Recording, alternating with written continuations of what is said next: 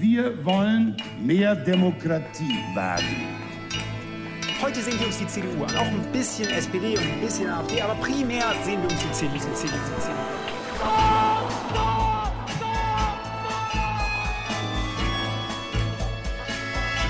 Niemand hat die Absicht, eine Mauer zu errichten. Ich weiß, ich habe heute Morgen in den Spiegel geguckt und dachte, wer ist denn die Hotte Bitch? Werden schon in wenigen Jahren blühende Landschaften, blühende Landschaften geworden sein. Früher waren wir Lametta. Wir haben so vieles geschafft, wir schaffen das.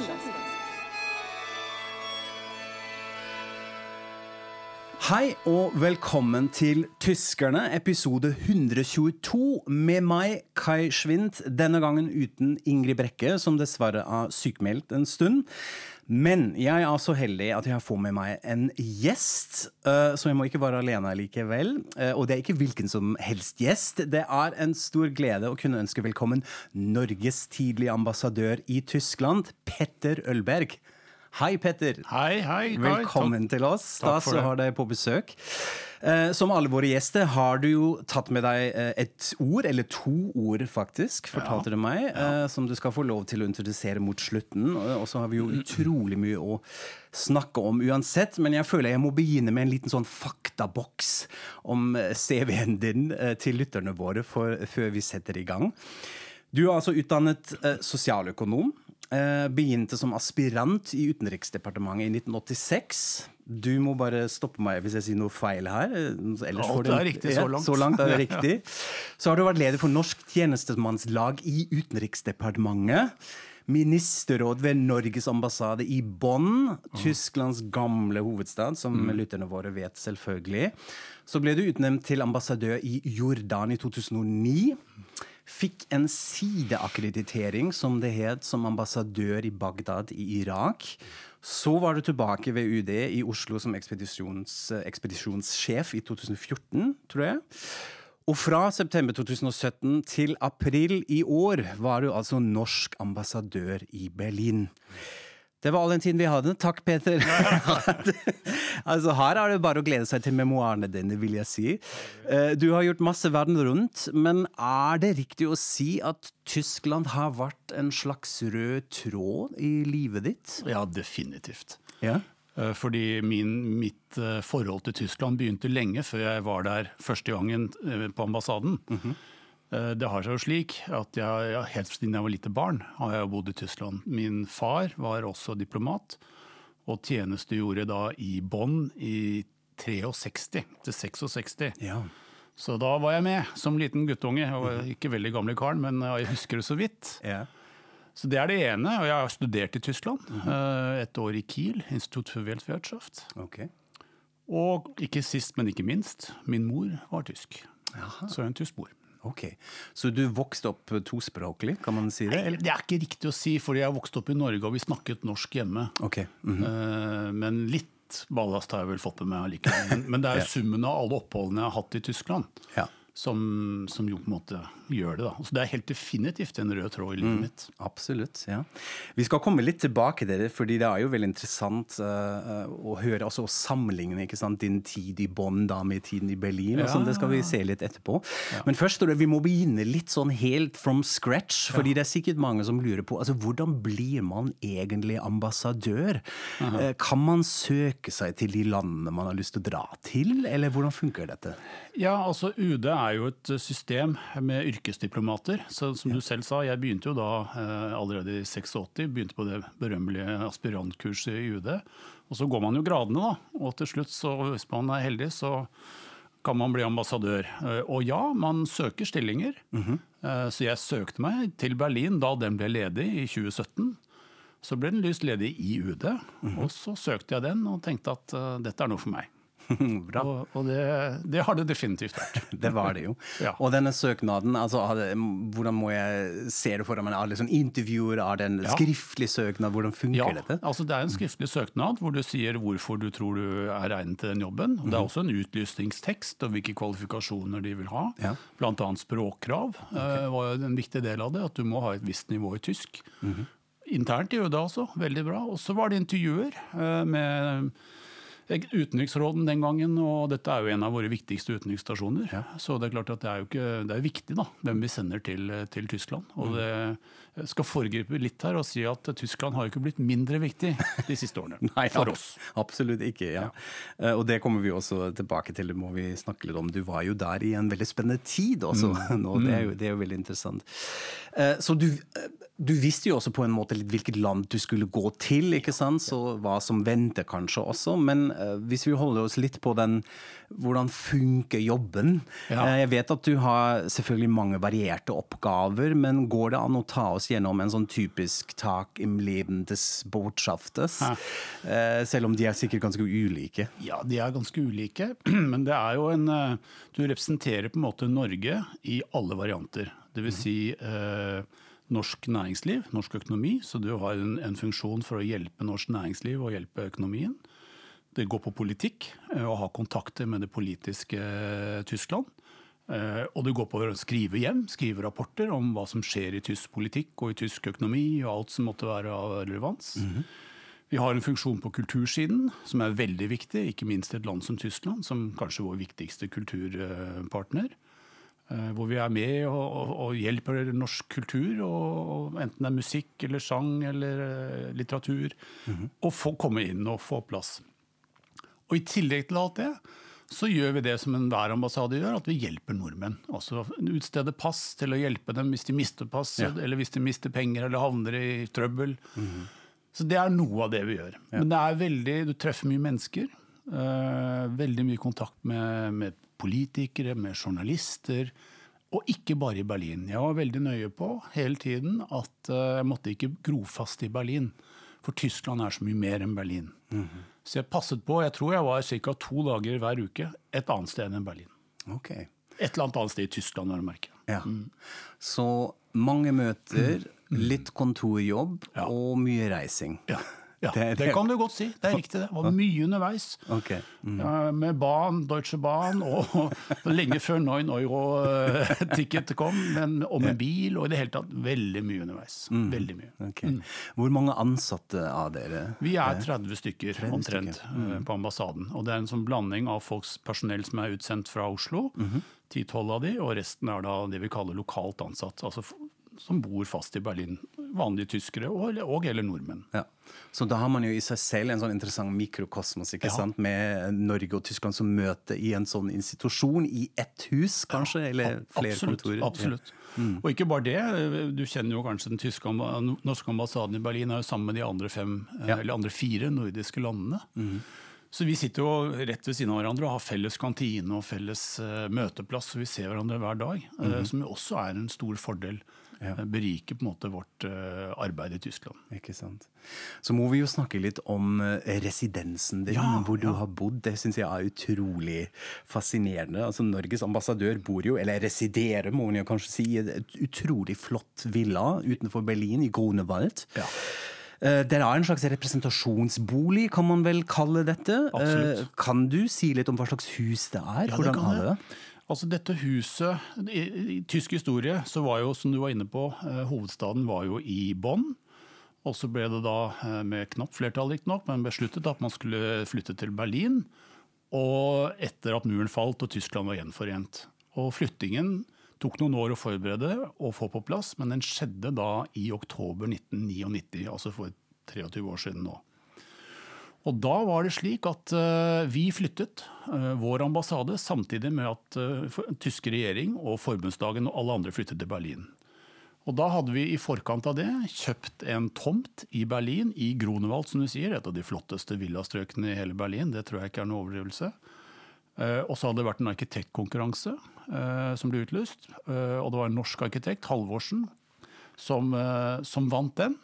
En elev av Sverre Fehn, og har satt opp en fantastisk nydelig, moderne eh, villa. Et representasjonshus, som du riktig sier. Med masse lys, masse tre. Tyskere er uten unntak veldig begeistret for det de får se.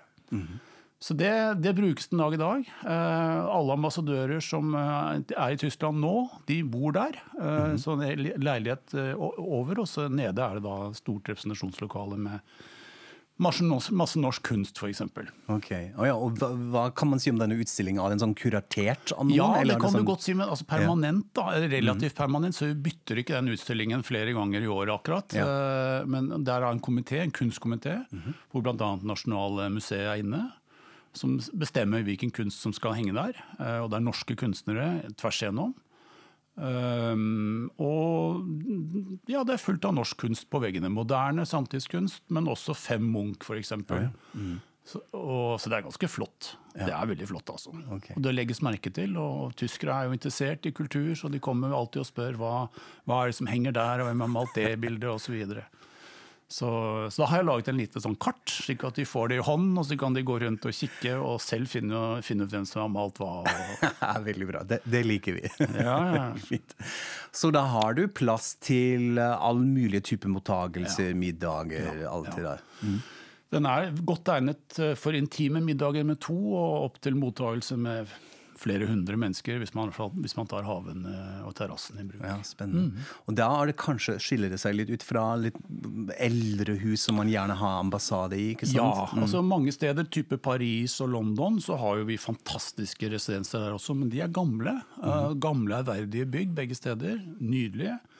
Mens her har man valgt en moderne løsning som, som moderne, Det er en del av norsk kultur, det òg. En norsk arkitekt, en kjent arkitekt. mm. Som, og jeg ser folk gå forbi på gata eh, og, og, og stopper opp og kikker og jøss, hva er dette for noe? ikke sant? Og så ser de at eh, løven henger på veggen og Norwegische Botschaft osv. Det er flott. Ja, veldig, veldig stas. Jeg har veldig lyst til å se det en dag, kanskje. Det må vi kunne få til. Vi får se. Ja. Jeg er fortsatt litt sånn fascinert av den, den jobben og den hverdagen. Jeg tenker litt sånn ok, nå skal eh, Petter til Berlin og begynne. Eh, og så skal han møte masse folk Ja. eh, som han kanskje må oppdatere seg om. Var det sånn at du måtte liksom pygge CV-er til folk, og hvem folk er, lære navn og bilder og sånn? Får man sånne dossierer, eller kommer det litt sånn etter hvert?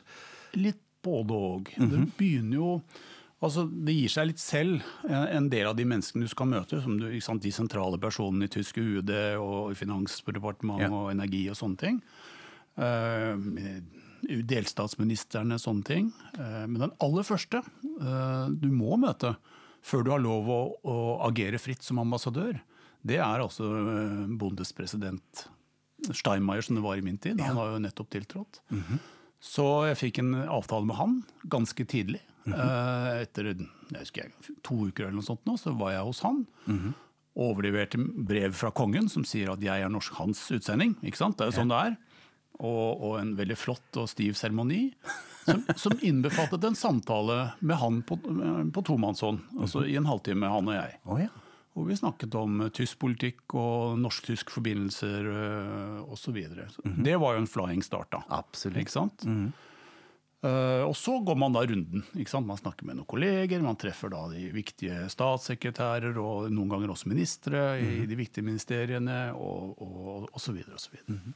Og kulturlivet, det er kanskje en litt annen tilnærming til det? Altså, Ja. Hvordan blir du kjent med tyske kulturpersonligheter? Nei, Du blir, du blir jo det gradvis. Både fordi du blir invitert på ting, og fordi vi selv tar initiativ og har masse arrangementer.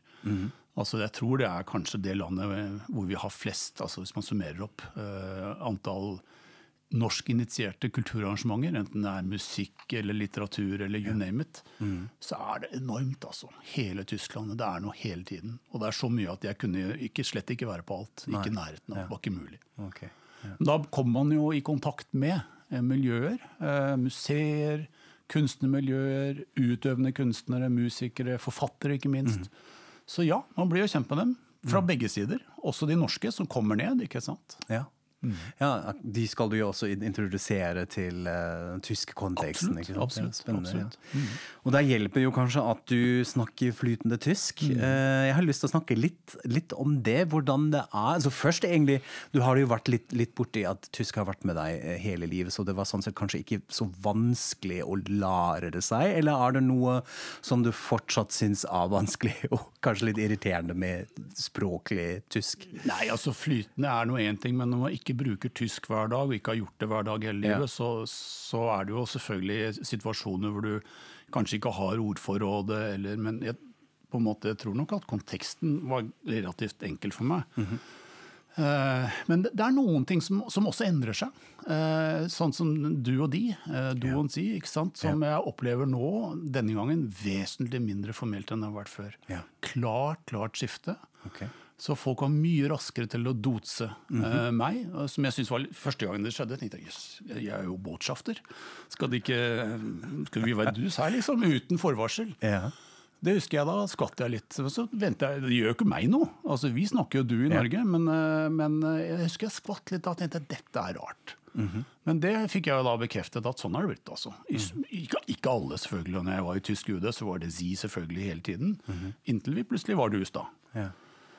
Og så var det også det at det var ofte jeg som måtte ta initiativet eh, til å si at Volmian Stodsen vil vi være dus. ikke sant? Fordi jeg var bortsafter, så folk oppfattet jo meg da som om ikke senior, så var det likevel som ofte falt det på meg å ta initiativet. Og de svarte jo uten unntak ja, selvfølgelig. ja, ikke sant. Så, men det, så det er en klar endring fra, fra de forrige gang jeg var der for 20 år siden. altså mm. faktisk. Mm.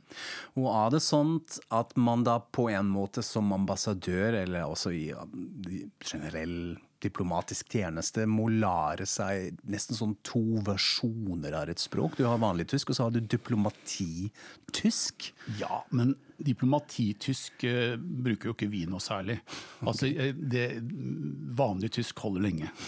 yeah. Men jeg jobbet eh, forrige gang jeg var der, altså for 20 år, i 99, eh, før vi flyttet til Berlin, så jobbet jeg i nesten et år i tysk UD som aus, austauschbeamter.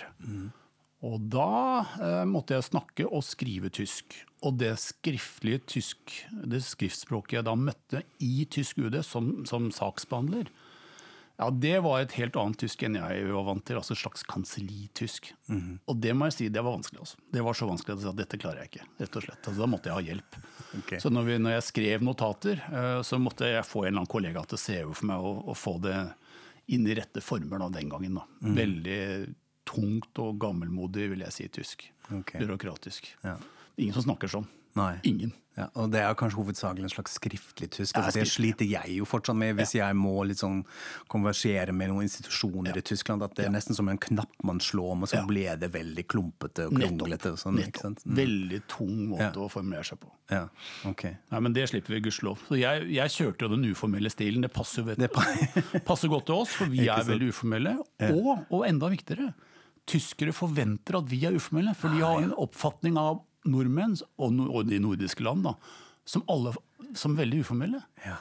Så da passet det veldig godt å, selvfølgelig å gå inn i den rollen. da. Ja. Sant? Og det fikk vi mye kommentarer på, ikke bare på du og de, men også sånn vi snakket i Når jeg holdt taler og kunne være litt sånn øh, litt lett, ikke, ikke fullt så stiv som mange andre er. Det fikk jeg masse kommentarer på, og det likte de godt. da. Ja, ja, det er fint. Og det, altså, jeg, jeg skjønner jo nå at det er veldig lett å prate med deg, men er det noe som, som var en slags Litt vanskelig å ha småprat på tysk og sånn? Kanskje ikke som alle responderer på samme måten, eller kom det lett for deg? Nei, jeg vil si at jeg syns det stort sett kom veldig lett. Altså. Det er klart at det er, det er mennesker du møter, så noen ganger så var det lettere enn andre ganger. Sånn er det jo med alle, ikke sant. Men i det store og hele veldig, veldig enkelt. Ja, okay. Og ikke minst veldig enkelt utenfor Berlin. Jo lenger bort fra Berlin du kommer, jo mindre snobbete er de. på en måte sånn... eh, Ja. Det verdsettes at en ambassadør kommer til eh, en liten Dorf i Bayern, altså, ikke Ja. sant, for eksempel. Det Ja. gjør det virkelig det. Det kan jeg tenke meg, ja. Eh, som lytterne våre vet, er jeg jo eh, humorforsker eh, i mitt eh, virke som medieviter, så jeg er veldig, veldig interessert i det, og da spesielt hvordan man bruker humor på tvers av ulike land og kulturer. Så har vi jo det store klisjeet av tyskerne og humor, ikke sant? At det fungerer ikke, og det kan de ikke. Og vi, du og jeg begge vet at det er tull, det, det fins, det fungerer, men allikevel har jeg inntrykk at vi sammenligner kanskje med Har og kanskje med Storbritannia, absolutt, at det er uansett et sånt skille mellom humor i det private og sånn humor i det offisielle, ikke sant? Hvor man kanskje helst ikke øh, bruke humoren. Har du, hjelper det å bruke humor? Har du noe erfaring med det? Funker det? Ja. Absolutt. Okay. Nei, jeg vil si at jeg nesten bevisst prøver å bruke humor. okay. Eh, også offisielt. Altså der det kan. Altså Hvis du får den andre til å le eller smile, så har du connected på en helt annen måte med en eneste gang. Mm. Og det må jeg si, det har jeg aldri opplevd vanskelig med tyskere. Okay. Og de har humor. Det er bare tull og tøys at ikke tyskerne har humor. Kanskje en litt annen humor enn den vi er vant til, men Mhm. humor. Ja. Absolutt. Fabelaktig. Så, og den, jeg fant den eh, ganske fort, og de connectet til vår humor òg. Ja. Så om ikke sånn platte vitser, men altså en, en humoristisk kommentar, en dobbel betydning, Ja. eller et eller annet som henspiller på noe. Sånn, ja. Sånn ironi, kanskje? Ironi, klassisk, ikke sant? Veldig, veldig populært. Det er veldig interessant at du sier det, fordi det, min, det var min erfaring da jeg kom hit også, at det var ganske lett å Ja. connecte med nordmenn Ja. med humoren, spesiell eh, selvironi og sånt. Ja. Så det er jeg helt enig i. Og morsomt at det skjer på det nivået. også. Ja, nei, absolutt. Det er jo det samme. Det er jo bare mennesker, Ja. de også, ikke sant? Ok, spennende. Mm. Sånn apropos forskjeller, vil du si at det fins forskjeller i politisk retorikk mellom våre to land? Og da tenker jeg både hvordan altså, politikere snakker med hverandre, men også hvordan man kommuniserer ut til folket. Er det store forskjeller da, hvis du sammenligner Norge og Tyskland? Ja, det er det. Nå har jeg ikke akkurat tenkt så mye over det spørsmålet før du stiller det nå, men det er det altså. Det Ordskiftet er annerledes. Eh, Jeg syns det på mange måter er litt mer dannet eh, i Tyskland. Eh, Men det er også ganske klart altså. Jeg tenker med en gang på disse, noen av disse debattene vi har sett. Enten det er Anne Will eller, eller kanslerdebatt, kandidatdebattene før bondestagsvalget, Ja. eller så er det ganske disiplinerte og kjedelige saker. Veldig seriøst. ikke sant? Man, man, man viser respekt for den andre. og på en helt, Det er ikke sånn amerikansk type show, altså. Det er det ikke. Eh, men så ser man da, hvis du ser på forbundsdagen, så er ordskiftet der er ganske så krast. Uh, og krassere er det jo blitt etter at AFD kom inn, tror jeg. Det tror jeg påvirket det ganske, ganske mye. For de sitter der og buer og klapper. og det tror jeg man ikke hadde så mye av før du plutselig hadde eh, nesten 100 AFD-ere sittende i rommet. Altså, som, som, ikke sant? eh, Så det har gjort noe med hele Og også måten de snakker til hverandre på. Mm -hmm. Men i det store og det hele så, så syns jeg det er en veldig seriøs og god tone i, i den politiske debatten i, i Tyskland. Det syns jeg. Ja. Mm. Og disse mentalitetsforskjellene, når man tenker litt sånn f.eks. på din arbeidsplass i ambassaden, hvor det er nordmenn og tyskerne som jobber sammen.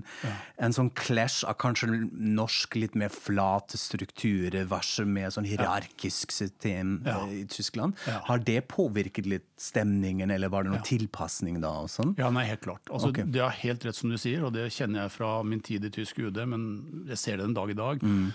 Hvor strengt hierarkisk det fortsatt er. Altså, det er ingen, man, man utfordrer ikke sjefen, og i hvert fall ikke for åpen scene osv. Mhm. Det gjør jo vi. Og vi, jeg vil gå så langt som å si at jeg er nærmest oppfordret til det. Kom med motforestillinger, type. ikke sant? Mm -hmm. uh, og det fikk vi jo til. Så, men det er en kulturgreie som ikke alle, uh, ikke alle fikk til med en gang. Så vi hadde jo medarbeidere som kom inn med en tysk hadde bakgrunn fra tysk uh, arbeidsliv, enten offentlig eller privat, og som nok syntes at det var en veldig overgang i begynnelsen, å møte en så flat og, og, og lite hierarkisk eh, struktur. Og det er en liten ambassade, altså 35, nei, altså i norsk sammenheng en stor ambassade, men det er få mennesker. Og det var nok en overgang for mange. Men man tilpasser seg fort. Ja, ikke sant? Ja, ja, ja. Det hjelper jo det mest å snakke med hverandre. liksom finne Ja, det altså, ut. det er da med at mm. Som sjef så setter du jo tonen. Så Ikke hvis du oppfordrer til det og viser at du tåler kritikk, så, så kommer det jo etter hvert det også. da. Ja, skjønner. Sånn et, etter din tid, Ja. uh, vet ikke om du kan, kan svare på det, men hva syns du er noen av de fortsatt den største misforståelse mellom begge land og mentalitet og kultur som vi har? Jeg vet ikke om det er så mange misforståelser. Mm -hmm. Jeg synes alltid det, det ekleste spørsmålet som jeg dessverre fikk veldig ofte, det var alltid eh, hva, hva kan vi lære av dere? For det ligger i det at dere gjør alt mye bedre enn oss. ikke sant? Ja, ja. Og da måtte jeg alltid da, da var humor gunstig å ha. Mhm. og, og, og fleipe det bort litt. ikke sant? Ja, men vi er jo ikke så mye bedre enn dere. og Når du tenker over sånn og sånn. Mhm. Ja. Eh, Så Det er jo noen typisk tysk mentalitetsgreie også. De spiller, de gjør seg litt mindre, og dere er så flinke. Vi er jo ikke alltid det, da, skal være helt ærlig. Men, Mm. Ja, men, men- men, men, men, ikke sant? Jo. Um, så forskjeller Jeg vet ikke om, om, det, er, om det er noen misforståelser. Ja, det som er en stor forskjell fra forrige gang jeg var der, var jo at den gangen så, så var det veldig mye fjorder og fjell. og ja. forba, Tyskere forbandt Norge med vakker natur Mm. og, og fjorder og alt dette. Det var endret nå. Det folk spurte meg om, altså det eksisterer fortsatt ikke det, men det, det folk spurte meg om nå, det var to helt andre ting. Det var oljefondet, og det var e- elektromobilitet. Elbiler. sant. Og det må jeg si gjorde meg så glad. For dette er to ting som, har, som ikke var i Norge for 20 år siden, eller 25 år siden, når- oljefondet begynte. Eh, og det er virkelig noe som vi har fått til i Norge. Mm. Hvor Norge er, skiller oss ut fra alle andre land. Og det er noe vi kan være stolt av. Ja? Så det, det er, og den historie som jeg selvfølgelig da med største glede har fortalt mange ganger i mange miljøer i Tyskland, og de er like interessert. Ja. Og, noen, og i avisene så skriver de vi må også få oss et uh, sånt fond. De har ikke noe olje, da, så det er ikke så lett. Men de må Finne noe annet. finne noe Hva annet. kan det være? Ja. Ja? Nei, men det er veldig interessant, fordi jeg tror du har, du har rett på en måte at det er en, slags tysk mentalitet å gjøre seg litt mindre og si hva, hva kan vi vurdere, men samtidig er det en helt tydelig fascinasjon og også idealisering av Skandinavia, og spesielt Norge. Så det er en slags sånn uh, innebygd uh, pre-kjærlighet mot, mot Norge uansett. Ja, ja. Og det er jo fint at den er litt mer nyansert nå, ikke sant? At det ikke Ja. bare er fjord og fjell, som du sier. Men jeg tror det er sant. Jeg tror det er sant. Jeg tror også det er sant. Altså, det er fortsatt mange tyskere som reiser dit for å fiske og alle disse, disse klassiske tingene. Men, men, men sant? nå har vi altså en, en tysk eh, energiminister som kommer til Norge for å kjøpe, fordi han vet at her er det mye energi. Det vet de. Mm. Sant? De spør ikke om det, og de vet Ja. når det kommer nøyaktig hva det er de skal ha. Og det tenker jeg det er en helt annen, helt annen greie. Da, en, mm. en, og det er bra. Det er kjempebra. Absolutt. veldig glad for det. Må man venne seg veldig til det føderale systemet i Tyskland? Altså at delstatene står så sterk på alle nivåer når man kommer dit? Svaret er ja. Okay. Og der tror jeg det er en, eh, en misforståelse som du stilte i forrige spørsmål. At nordmenn flest er ikke klar over den dimensjonen. At hvor, hvor viktig delstaten i Tyskland er. Eh, Og det, det er de. De er ekstremt viktige. Og, veien til makt i Tyskland går jo gjennom delstatene. Eh, Og bare det å skjønne det, eh, det er ja, Det har veldig få nordmenn skjønt. Folk tenker, også i det politiske Norge ser jo på Tyskland som Berlin og regjeringen i Berlin.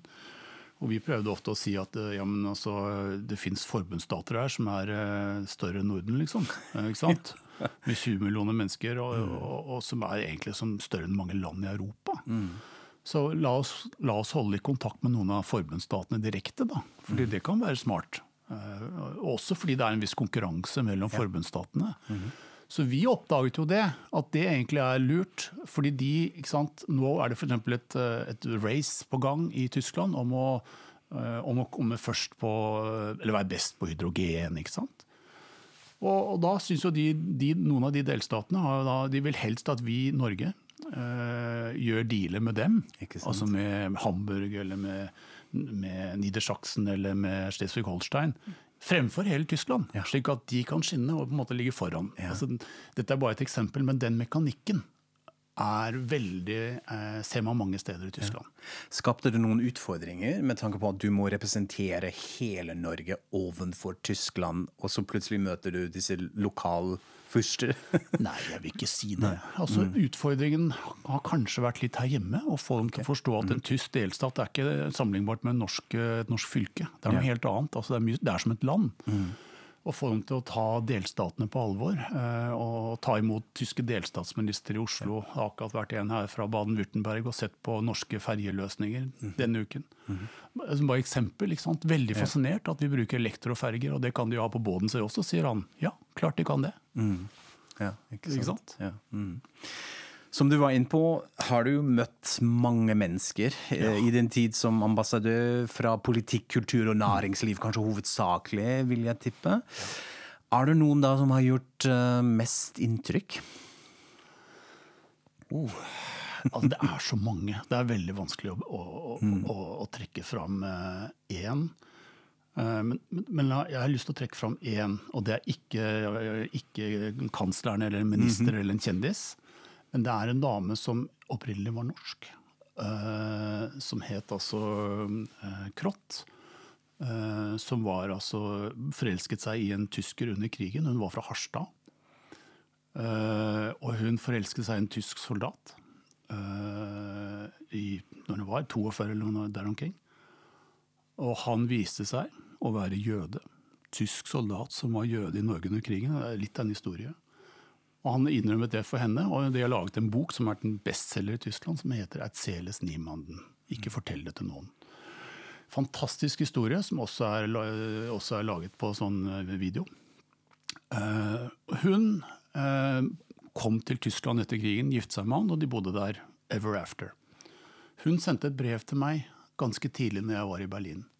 Sånn eh, 2017-18 fikk jeg et brev fra henne som sier at eh, eh, jeg har sett at eh, vår statsminister, den gangen Erna Solberg, har bedt om unnskyldning eh, til eh, tyskertøsene, som hun var, eh, for at vi tok fra henne statsborgerskapet. Hun ble fratatt sitt norske statsborgerskap uten lov og dom etter krigen.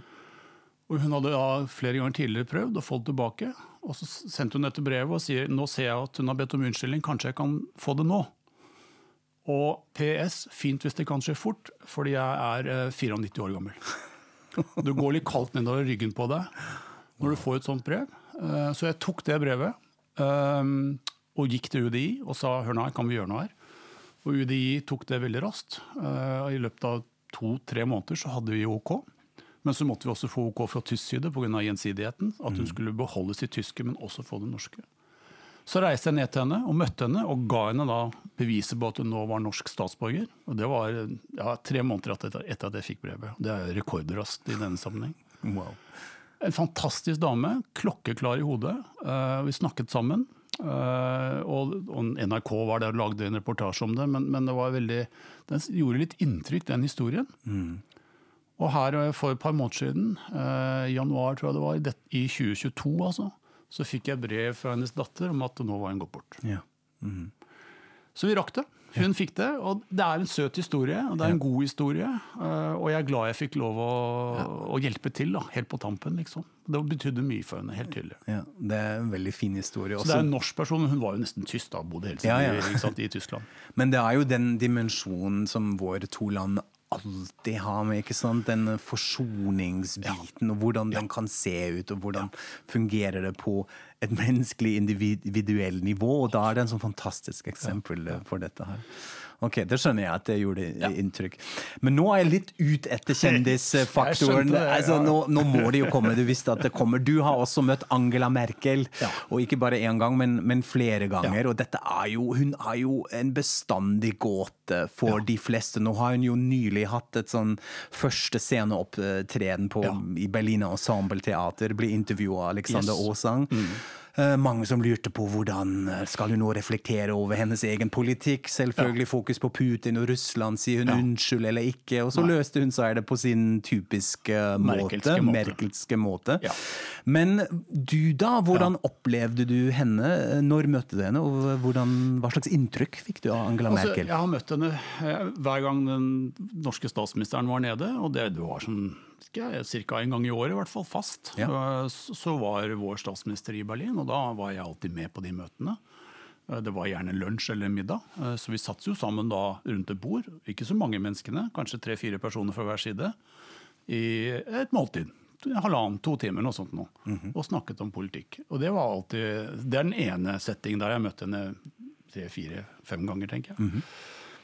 Og alltid god tone, og alltid veldig åpen. Og helt tydelig at hun var, hadde et godt forhold til de to statsministrene Norge hadde i de samme 16 årene hun var kansler. Nemlig Jens Stoltenberg og, og Erna Solberg. Så to forskjellige partier, men begge hadde et veldig godt og nært forhold til eh, Angela Merkel. Så det viser bare at én ting er partier, men det går også på regjeringssjefer. Uh, masse humor. Sånn Litt sånn ironihumor, og litt på, på bekostning av andre. Hun lik, likte å fleipe litt og slenge litt med leppa når det ikke var media til stede. og sånn, Det gjorde hun. Ja. Uh, alltid veldig godt forberedt. Eh, samtalen gikk på engelsk. Hun snakket engelsk. Det var en tolk med i tilfelle hun manglet et ord, hvilket hun egentlig sjelden gjorde. Men så har jeg også møtt henne på tomannshånd et par ganger. Eh, eh, annet fordi de lager sånne mottagelser, og så får man da prate med henne. Og da, det blir ikke lange praten, men altså i sånn fem-ti minutter Ja. har jeg fått eh, to ganger i hvert fall med henne. Og veldig direkte dame. Veldig sånn 'nå er det deg jeg snakker til'. Og utrolig sånn present. Eh, fantastisk evne til liksom bare sette seg inn i hva er det jeg prøver å ta opp. Ikke sant? Hun bare så på meg. Hva, hva kan jeg gjøre for deg-type samtale. Og da gjaldt det å ha tenkt ut det, da, og si helt konkret hva er det vi vil. eh, eller jeg vil. Og hun responderte umiddelbart på det på en måte som nesten ja, ikke hadde forventet. Altså. Veldig klart og veldig kjapt og veldig direkte. Ja.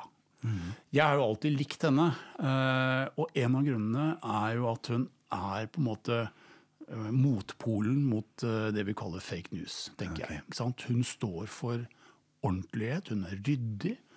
Hun er veldig evidensbasert, på en måte, for hun bruker nærmest et tysk ord. da. Altså, hun, bruker, Ja. hun bruker jo det Hun er naturviter, ikke ja, sant? Ja, naturviter, men ikke sant? hele tiden. Alltid godt forberedt. Alltid lest uh, dossierene bedre enn noen, ikke sant? Og alltid tålmodig. Aldri forhastet. Jeg liker det. Det er liksom litt sånn motstykke til hva, hvor utviklingen mange andre steder i verden i øyeblikket går. da. Eh, Ikke sant? Det har jeg alltid likt med henne.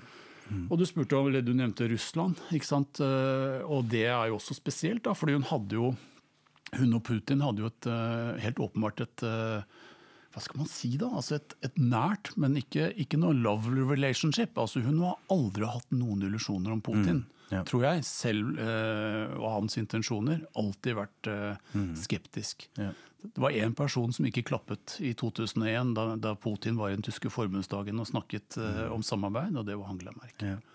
Så hun hadde ikke noe tillit til han tidligere Stasi, eller han tidligere eh, KGB-agenten i, i, Dresden, ikke sant. Og det snakker hun jo litt om i Ja, Berlin Ensemble, og det det. syns jeg er veldig fascinerende å høre. At Hun hun, egentlig det. presiserte det nå Ja, igjen. ikke sant?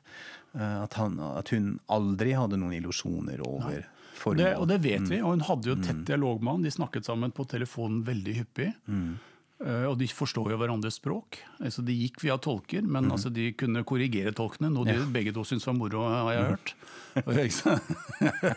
Man kan se det for seg, ikke sant? Eh, men det ga dem også tid til å tenke. da. Når han da snakket på russisk, og så ble det oversatt, så hadde hun jo da tid til, litt ekstra tid til å tenke gjennom men det var alltid veldig direkte og gode samtaler. Mm. Så det var i hvert fall én som hele tiden sa dette er, eh, Vladimir kan du ikke gjøre. Det går ikke. Sånn kan vi ikke ha det. Ja. Ikke sant? Og den er borte.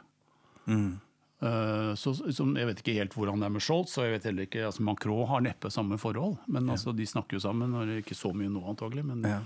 vi må snakke med dem. Absolutt. Og det er jo da det tyske, at de vet at også den dagen Ukraina-krigen er slutt, så, så vil Russland ligge der.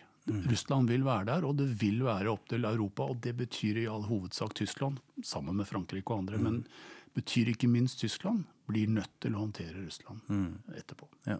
Det var hun jo også inn, inn på i Berlin Jeg kjenner tankegangen hennes. Ja, det er absolutt. akkurat sånn hun tenker, og hun mener det. Hva tror du, altså Hun har jo tydelig sagt flere ganger at hun ikke kommenterer den aktuelle politikken, eller politikken Mm. til den aktuelle regjeringen, men tror du allikevel at hun kunne trekkes inn etter hvert? eh, eller tror du hun Nei, nekter? jeg, jeg, jeg tror hun nekter. Jeg tror hun, øh, øh, hun er ferdig med det. Øh, og måten hun har gjort det på, det overrasker meg ikke i det hele tatt.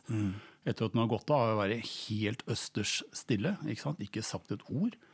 Og bare de korte tiden jeg var der, før, mens, etter at hun gikk av, da, så fikk jeg vet ikke hvor mange invitasjoner bare fra Norge om å komme hit. Okay. Og få æresdoktor eller opptre ditt eller datt med et foredrag. Eller.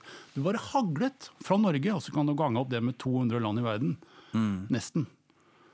Og hun har så vidt jeg har sett sagt nei til 99,9% av det. i hvert fall. Ja, absolutt. Nå skal hun gå på tur på stranda og høre på lydbøker, som hun sa. Ja, så skriver hun nå. Hun Og skriver skriver, skriver jo biografi da, sammen med hun, Ja. ja, sekretæren hennes. Ja, absolutt. Fra Merkel til Scholz. Ja. Har du møtt Olaf Scholz? Ja, det har jeg. Uh... Hva er forskjellen mellom de to? ja, kjønnet selvfølgelig, men, men, Vi går litt mer i detalj. Ja, ja, ja, ja, men jeg skjønner det. Men nei, altså de er like og litt ulike også. Altså, han har jo litt den merkelske eh, lavmælte eh, tilnærmingen, han også. Avventende stilen, som han jo også blir veldig kritisert for. At han er litt lite handlekraftig. Eh, Mange hadde jo ønsket seg sterkere tysk ledelse eh, i Europa, tenker jeg nå. eh, Både fra Merkel og fra Scholz.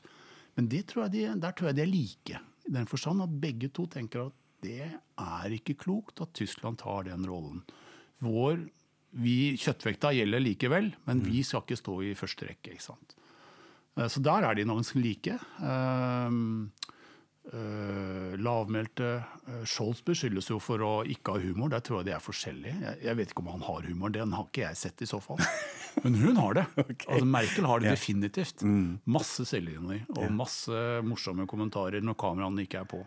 Og Scholz var da mer nøktern og mer Veldig nøktern. Og Han i samtale, Jeg har sittet med han i one on one også i, i en time. Det var riktignok mens han var borgermester, men også vært hos han som kansler. Eh, da, han gir ikke veldig mye, han lytter. Han lytter veldig godt etter hva som sies, og responderer på det. Men det er, han gir ikke veldig mye. Så det er, Du spurte meg helt innledningsvis om det er noen det er vanskelig å holde en samtale gående med. Jeg tror Scholz kanskje er en sånn en, for han gir veldig lite. Ok. Ikke sant? Altså han, er, han er absolutt lynskarp øh, og har en plan, øh, så han skal ikke undervurderes på noe vis. Han har kanskje ikke all verdens utenrikspolitiske erfaring, men han har jo masse politisk erfaring ellers. Eh, Så ikke undervurder han. Er, er, det pleier jeg ofte å si til folk. Og så trekker jeg fram eh, gjerne to eksempler på ting han har gjort. Um, Det ene er jo da denne, denne EU-dealen med å, å, etter covid, at man skulle ha felles låneopptak. Det var Scholz. Det var ikke franskmennene, det var Scholz eh, som hadde forberedt det. Og det, eh, det, er, det er svært. Og det andre er jo globalt. Når han eh, straks Trump var borte og Biden kom inn, så eh, fikk man lansert da, altså en minimums selskapsskatt eh, mellom OECD-landene, forberedt av Olaf Scholz. Ja. Og når da eh, Ukraina-krigen var et faktum, eh, og vi sto der, og Tyskland sto der eh, litt sånn eh, oi sann, oi, oi, oi, ikke sant? Eh, fire dager etterpå så går han i forbundsdagen og, annonsere disse 100 milliardene eh, euro eh, til forsvar. Men det kunne han gjøre fordi han som finansminister hadde gjort den planen klar. For, på grunn av maset fra Trump om å få Tyskland opp på 2% Ehm, Så sier han kunne bare ringe sin kollega eh, finansministeren Linder og si du, i skuffen der ligger det en plan. Du bare tar ut den, og så skriver du en 100 milliarder. ja. Ikke sant? Så Det er også Olaf Scholz. Det er, så det er en sånn side som kanskje ikke alle er så klar over. At han ja, han er kanskje ikke superkarismatisk, og i hvert fall ikke i media, og er ikke opptatt av å være det heller. Men han har denne egenskapen til å og har en langsiktig plan med ting. Så får vi se, da. Veldig, veldig interessant. Og jeg tror da er du ikke alene med, den, med det inntrykket man har. Altså, det er jo også det som dominerer uh, diskursen akkurat nå. Hva mener Olaf Scholz egentlig? ikke sant? Den kommunikasjonen hans, og alltid det sånn flere lag til det han sier. Kanskje, vi vet ikke. Men det er jo en fin, eh, fin overgang nå til dagsaktuelle politikken. Du Ja. har selv eh, nevnt det. Eh, paradigmeskifte i tysk Ja. politikk. Zeitenwende-talen han ga etter eh, invasjonen mm. på, eh, til Ukraina. Det har jo skjedd utrolig mye nettopp i den sluttfasen av din tid som ambassadør, ikke sant? hvor eh, altså plutselig dette paradigmeskiftet skjer. Hva vil du si? Er det er det en Zeitenwende? Er det noe helt nytt fra, fra hvis du ser for, for en utvikling? Eller er det retorikk? Er det noe man sier og ikke egentlig Nei, ja. helt fyller opp? Jeg skrev i min sluttrapport at det har skjedd mer på de siste fem ukene enn på de foregående fem årene. Og det er ikke fordi det ikke har skjedd mye på fem år, men at det skjedde altså så vanvittig Ja. mye på de fem ukene det var. da. Og I samme rapport så analyserte jeg dette. eh, hva dette Zeitenwende, For det er på to områder. Det er på Forsvaret og det er på energi. Og da nettopp det spørsmålet er dette, er dette varig, eller er det bare en sånn, eh, noe som kommer til å gå forbi, og så detter vi tilbake i samme spor som vi har vært i. Og jeg er helt sikker på at det er eh, varig hva gjelder energi. Altså at Tyskland kommer aldri igjen til å gjøre seg så avhengig av ett land som de har gjort med Russland på gassimport. Den leksen har de lært og skjønt at det var, det var en katastrofal feil, rett og slett. Den, den tror jeg kan, De kommer aldri til å gå tilbake til det. Never. På forsvar er jeg litt mer usikker. I hvert fall ikke like, like sikker. Jeg tror egentlig at det gjelder der også. At de erkjenner altså 100 milliarder er jo klar tale.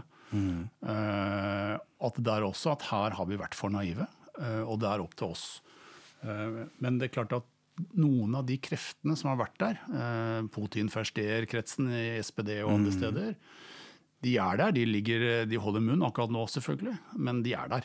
Ikke sant? De er der. Eh, så, men jeg tror også der, eh, seriously altså, Steinmeier har vært ute og bedt om unnskyldning og sagt at vi tok feil. Det, vi, det var naivt. Ja, ikke sant? Ikke sant? Og det tror jeg, Han var jo helt klart i den Putin-førster, eller Russland-førster-kretsen. Og det er ganske klar tale. Så jeg er ganske trygg på det. altså. Og husk på det, vi skal ikke glemme én ting som jeg tror er veldig veldig viktig. At vi skal være veldig glad at det var SPD og Scholz som satt i regjering da dette skjedde.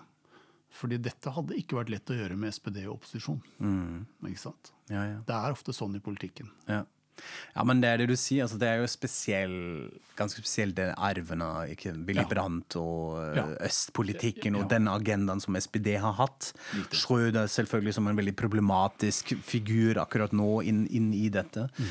Så på godt og vondt, kanskje. Eh, Det er spennende. Hva vil du si hvor, hvor avgjørende og viktig er Tysklands forhold til USA eh, i dette her også? Jeg syns det er alltid sånn vanskelig å fatte hvor vi er der. Man Nei, men sier vi er venner, men så har det, så har det Nei, noen nei, nei. brister der. Jeg tror det er slik at uh, dette er en erkjennelse i Tyskland. Uh, at øh, vi er helt avhengig av USA. Uh, altså, altså Økonomisk osv. Så, videre, så kan vi jo greie oss, men på ett område er det ingen erstatning for USA i overskuelig framtid, og det er forsvar. Ja. Vi er ikke i stand til å forsvare oss selv. vi trenger USA. Og det er tyskerne mer enn noen. Ikke sant? Det er en erkjennelse. Men sett i USA, hvordan ser de på Tyskland? Og det tror jeg eh, er litt interessant å se. Eh, Måten, hvis du tar Før krigen så ble jo dette striden om eh, Nord Stream 2 bilagt ganske fort. Mm. Ganske enkelt, fordi jeg tror, og dette har jeg fått bekreftet fra, også fra både tysk og, våre, våre egne folk, de ser på Tyskland som den viktigste partneren i Europa. Største landet, det dominerende partneren med størst tyngde. Så vi, er, vi må få med oss Tyskland, vi må stå sammen med Tyskland, og de tenker jo da Kina. ikke sant? Dette er geopolitikk. Mm. Så vi må ha tyskerne med oss, så får vi resten av EU med oss. Sånn tror jeg litt, litt de tenker i USA. Og spesielt etter brexit, altså etter at britene forsvant ut, så er det liksom, da er jo ikke britene noe stemme i EU lenger. Så da er det tyskerne som må, må ta den stemmen. Det tror jeg er analysen. og det, s- Sånn som du hører Biden og han utenriksministeren i USA snakke, Blinken, så er det omtrent sånn. Eh, At vi er nødt til å slutte rekkene med Europa. Og skal vi få til det, så er det tyskerne vi må få, få om bord først. Og så har det på motsiden den eh, nølende, nølende Tyskland og å ta en sånn lederrolle, ikke sant? Og de forventninger som de møter hele tida. Altså, dette var jo under Merkel også, men det er enda tydelig under Scholz. Hva gjør vi med det? Må man kanskje tenke litt annerledes på hvilken rolle Tyskland kunne ha? Ja, men jeg tror på en måte det er et eller annet med at Tyskland har jo kommet mye lenger enn de andre landene med å bearbeide sin egen historie.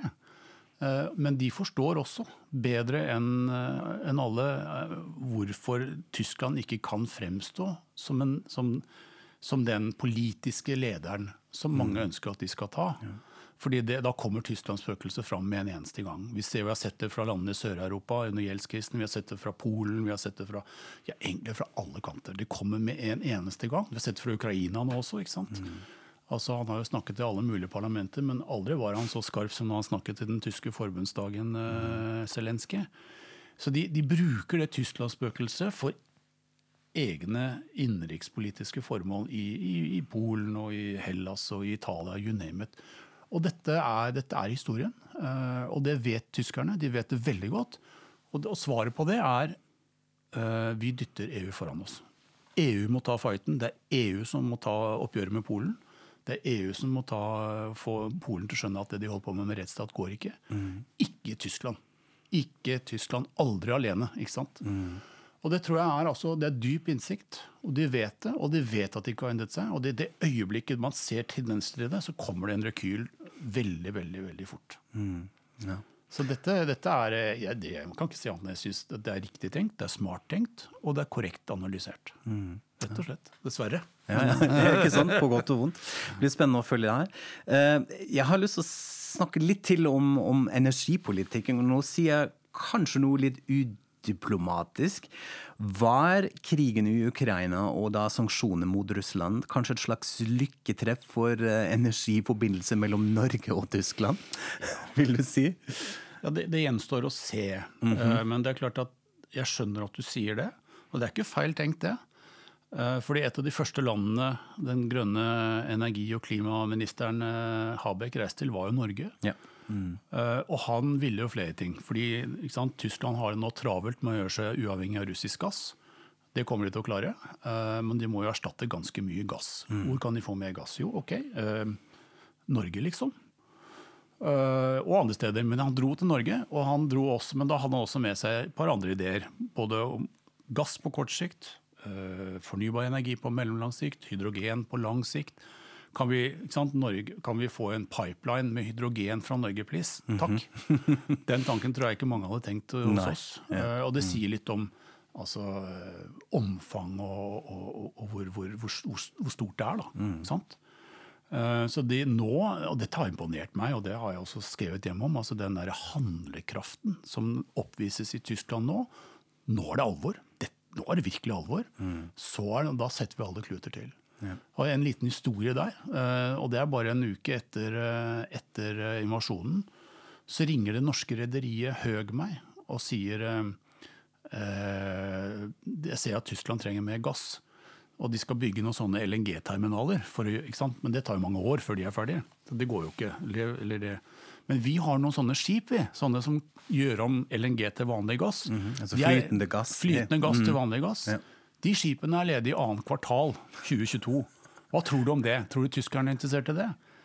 Se, det ser jeg ikke bort fra, se. Men jeg kan jo ringe og, eller ta kontakt med dem og høre. Så ringer jeg nå i Energiministeriet til med, på ekspedisjonssjefsnivå og så forteller jeg om dette. Du hører nå her, vi har, har et selskap her, et norsk selskap som kan levere et sånt skip til dere i annet kvartal. Eh, Er det av interesse?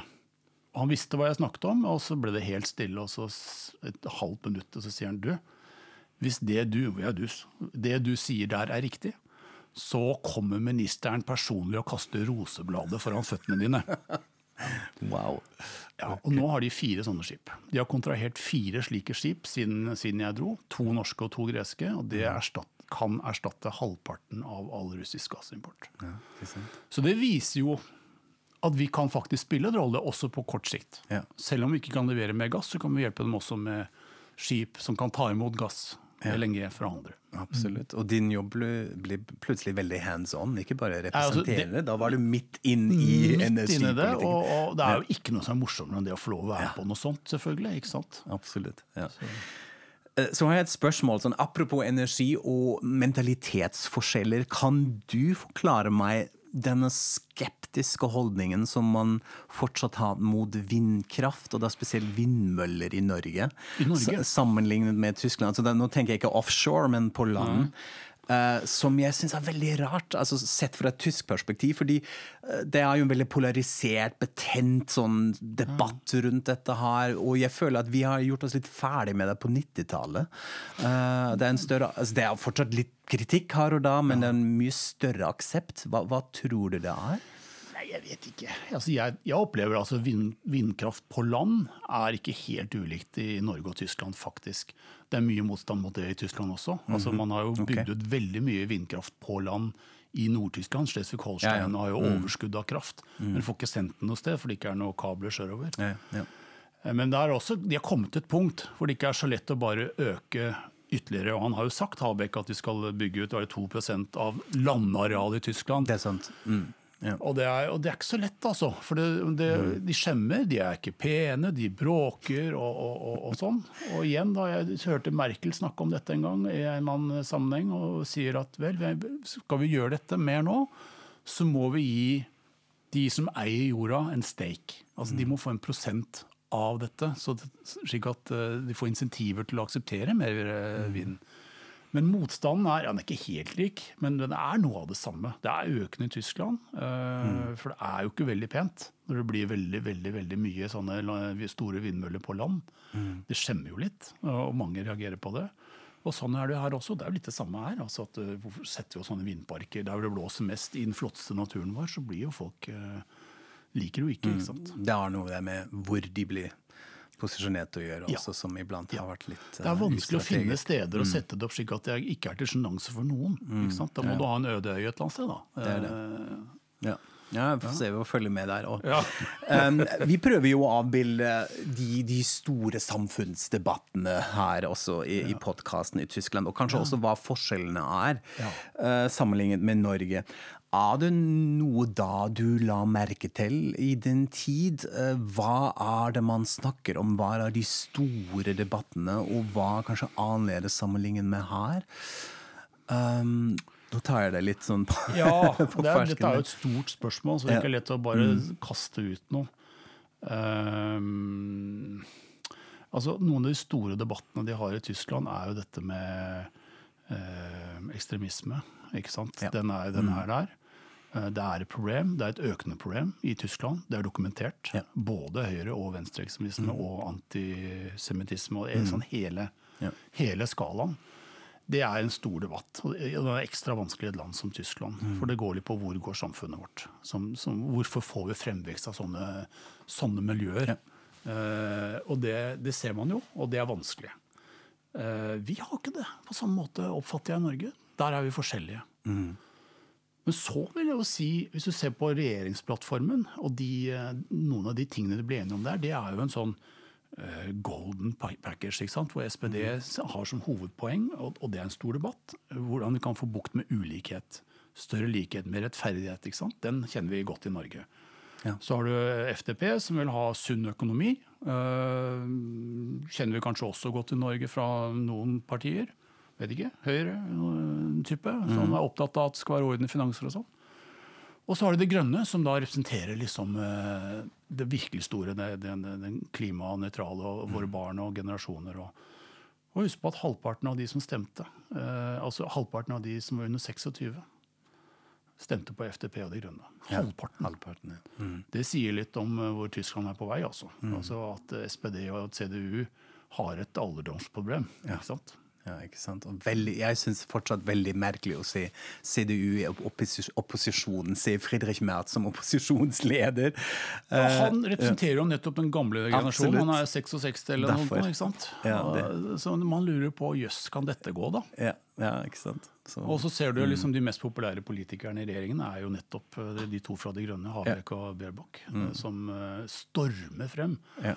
Nettopp altså fordi de har en måte å kommunisere på som skiller seg både fra Scholz og Merkel og Merz og hele gjengen, de gamle, som er veldig direkte, åpen, ærlig. De tør å innrømme dilemmaer. Habeck er jo, og også Berbach helt ekstremt god på det. Absolutt. Ja. Og det vet jeg ikke om vi er så gode på her til lands heller, om jeg skal være helt ærlig. Altså Det blir litt mer eh, påståelig. Sånn er det, og sånn er det ikke. Istedenfor å si nei, men dette er ikke så lett, det. Fordi på den ene siden og på den andre siden. Ja. Og det ser jeg at dette går veldig, altså foreløpig, går veldig hjem i Tyskland. Veldig hjem. Ja, det er, det er veldig fascinerende å se akkurat den type politisk kommunikasjon sant? og retorikk som spesielt Habek har. Men også, Habeck, men også Baerbock Baerbock med Russland, Ukraina og Ja. våpeneksport. Og det er ikke enkle ting altså, å snakke om i, i Tyskland, i dagens Tyskland. Vanskelig. ja, nei, det de gjør det. Suverent. Det er veldig gøy å prate med deg om, om dagsaktuelle politikken. Jeg føler vi må begynne å gå inn for landingen okay. her, ja. eh, sånn sakte, men steady. Hva syns du har vært vanskeligst med din jobb som ambassadør i Tyskland? Øh, Jeg vet ikke hva jeg syns har vært vanskelig. Er det noe som har vært vanskelig i det hele tatt? Altså, det vanskeligste sånn, er jo koronatiden. Det rammet jo med full tyngde. Så vi satt jo i hjemmekontor i, i to år, og, og, og um, ingen besøk. Ingen uh, events. Det var veldig rart. Altså En ambassade Vi har besøk normalt hver uke. Politiske besøk eller andre besøk fra Norge. Og så var det bare takk, null. ikke sant? Eh, som alle andre steder i verden, men det, det, det føles rart. Ja. Så det var jo det var eh, rart, og i og for seg vanskelig, for det var en omstilling. Men ellers så kan jeg ikke si det er ikke noe jeg syns har vært spesielt vanskelig. Jeg kan ikke si det også. Og du må jo ikke være det. Det er jo egentlig veldig fint Nei, at du ikke syns Det er at det var så imot veldig lett å jobbe med Ja. tyskere, syns jeg. Vi forstår hverandre godt. De har tillit til oss, vi har tillit til dem. og du kan, Når du blir litt kjent med dem, og det er, ikke, det er fort gjort, mm. så kan du ringe og få de mest ærlige og åpne vurderinger tilbake. Og, altså det, er, det er forferdelig lett å jobbe, rett og slett. Det er godt, godt å høre. Ja. Du har sagt du har prøvd å reise ganske mye Ja. i, i Tyskland. Har du et slags yndlingssted, eller et sted som du vil absolutt anbefale alle nordmenn skal reise til? Eller helst ikke, så ingen oppdager det fordi det er så spesielt?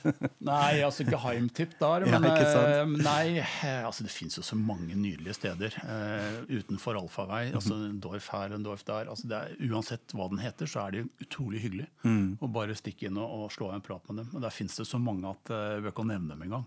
Bare oppfordre folk til på en måte å, og tørre å gjøre det. Ikke bare gå for Berlin og München. ja, og kjøre av autobanen iblant. Ikke sant. Men altså, allikevel, og nå snakker jeg litt mot meg selv her, men det er jo en god grunn til det. da, Og det er at mitt, min favorittby i Tyskland, det er Hamburg. Ok. Og det er helt klart Hamburg, ganske enkelt fordi min mor var fra Hamburg. Eh, uh, min mormor var fra Hamburg og bodde der til hun døde i 97. Og jeg har vært der i barndommen min. og jeg, Hamburg er etter min mening Tysklands vakreste by. Men er, eh, det er sikkert delte meninger om dette. Men eh, har, den har sin, ja. har sin helt spesielle sjarm med, med elven og Alfteren og, og sånn. Og, og så har jeg da dette litt spesielle forholdet til Hamburg. Da. Så jeg har vært der som liten guttunge hos min Oma, som hadde en sånn Her er jo nesten et begrep allerede. Tante Emma-laden. Ja, riktig. Veldig fint. Og min Oma het Emma. Ah, så det var så riktig Emma-laden. Veldig gøy. Men Ja. hvordan oversetter vi det på, norsk? Tante Emma-laden, veldig bra. Det er en sånn, Sånn helt sånn superenkel kolonialbutikk, Ikke kanskje. sant? Noe sånt. Ja, ja, eh, ja. Som solgte Det fins fortsatt noen av dem, Ja, ja. og det er et begrep som Ja, ja. brukes mye i tysk eh, hverdag, faktisk. Tante Ja. Emma-laden. Ja.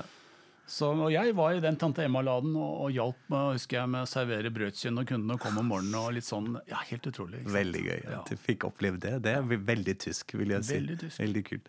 Og kanskje en fin overgang, Ja. um, tysk begrep, tante Emma-laden, til de to ord som du har med, som alle gjestene våre. Uh, fikk også du lov å ta med noen ord. Nå er jeg veldig spent. Jeg vet spent, ikke hva det er, jeg har ikke hørt det før. Nei.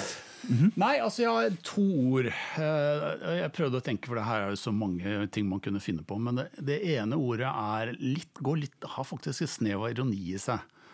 Eh, som jeg ble med fascinasjon bruker, og det er nemlig gewöhnungsbedürftig. ja, veldig bra. Veldig bra. det ikke. Sånn, altså, altså det krever altså, det, Direkte oversatt betyr vel noe sånt som at det krever tilvenning, eller krever eh, Tilvenningskrevende. Ja, noe sånt. Ja, altså, vi har det ikke på norsk, ikke sant. Nei. Eh, Men det er så deilig å bruke det. For det er sånn som man kan bruke f.eks. hvis man, hvis man eh, ikke liker noe, så kan man da si istedenfor å si at dette liker jeg ikke i det hele tatt, så kan man si det er gewöhnungsbedürftig. Fordi da, da insinuerer du ok, ikke fan, men dette Nei. går nok greit. kan hende at jeg klarer å lære meg dette hvis jeg bare anstrenger meg litt. Ikke Liksom. sant? Veldig bra. Så for det, det er litt sånn ironisk på en måte også, eller i hvert fall uh, en elegant måte å si, eh, si det på. Da. Så det, Ja, liker en sånn pragmatisk ironi. Ja, ja, det er sant. litt sånn. Veldig bra. Uh, Så det, det er det ene ordet. Og det andre ordet er noe helt annet. Det er eh, som jeg også oppdaget en del sammenhenger når man får en idé. Da, så har det noe som heter snapsidé. Ja, veldig fint. Og det er sånn, altså det, det ligger jo i ordet, da. Altså at man, en idé man har drukket et par glass for mye, kanskje. Og så syns jeg er en forferdelig god idé, som egentlig ikke er så veldig smart. Men det brukes jo også overført. At Ja. nå har jeg fått en helt crazy idé her. Eine snapsidé. Ja. Så jeg, ja, ja. Ja, ikke sant? Det, det, det gjør noe med forventningene òg. Nå Jeg vet dette er en snapsidé, men hør nå. Kanskje det blir noe. Ja. Kanskje det er litt gewöhnungsbedürftig, men ja, ikke sant? Ja, det, kan det også være. absolutt. Gå fint an å uh, kombinere de. Ja. Veldig gøy. Ja, De må dere uh, lære dere. Veldig, veldig gode ord for dette her. Um, Petter, hva skal du gjøre nå? Nå er du inn i Oslo. Ja, akkurat nå er jeg litt sånn in between jobs eh, i Oslo. Jeg har avsluttet uh, etter fem år i Tyskland. Uh, og oppdager at det er fortsatt stor interesse for Tyskland, så jeg blir invitert stadig vekk i eh, debatter og, og, og, og sånt for å fortelle, og det er jo bare gøy. Eh, men jeg skal altså da til Genéve og bli Norges eh, ambassadør til WTO fra august, eller slutten av august. Ok, det er noe helt annet. er- Eller kanskje ikke helt? Jo, litt. Jo, det er noe fullstendig Ja. annet. Ikke sant? Ok. det, det er multilaterale Ja. eh, handelsforhandlinger. Ja, ikke sant? Så it's something completely different. Ja, det kan vi si. Er det noe du skal ta med deg fra din tid i Tyskland? da? Sånn noe konkret du, du har allerede litt sånn klar, eller må du se litt an hvordan det Ja, blir? Det må jeg se an, men det er- så mye. og Jeg er så glad i det landet og, og tyskerne, så det tar jeg jo uansett med meg. Så jeg kommer jo helt sikkert til å oppsøke mine tyske kolleger i Genéve som noe av det aller første. Bare fordi jeg, jeg regner med at der finner jeg eh, eh, meningsfrender med en gang. Veldig bra. Og du kan skravle litt tysk. Og jeg kan Det- skravle litt tysk, det- ikke minst. Ikke gjelder å holde den ved like. Veldig fint. Peter, superhyggelig å ha hatt deg på besøk. Ha masse lykke til, eh, og tusen takk at du var gjest i dag. Det var kjempestas. Vi runder av. Eh, Dere følger oss på Facebook og Instagram. Så er vi tilbake om ikke så lenge og sier auf Wiederhøen.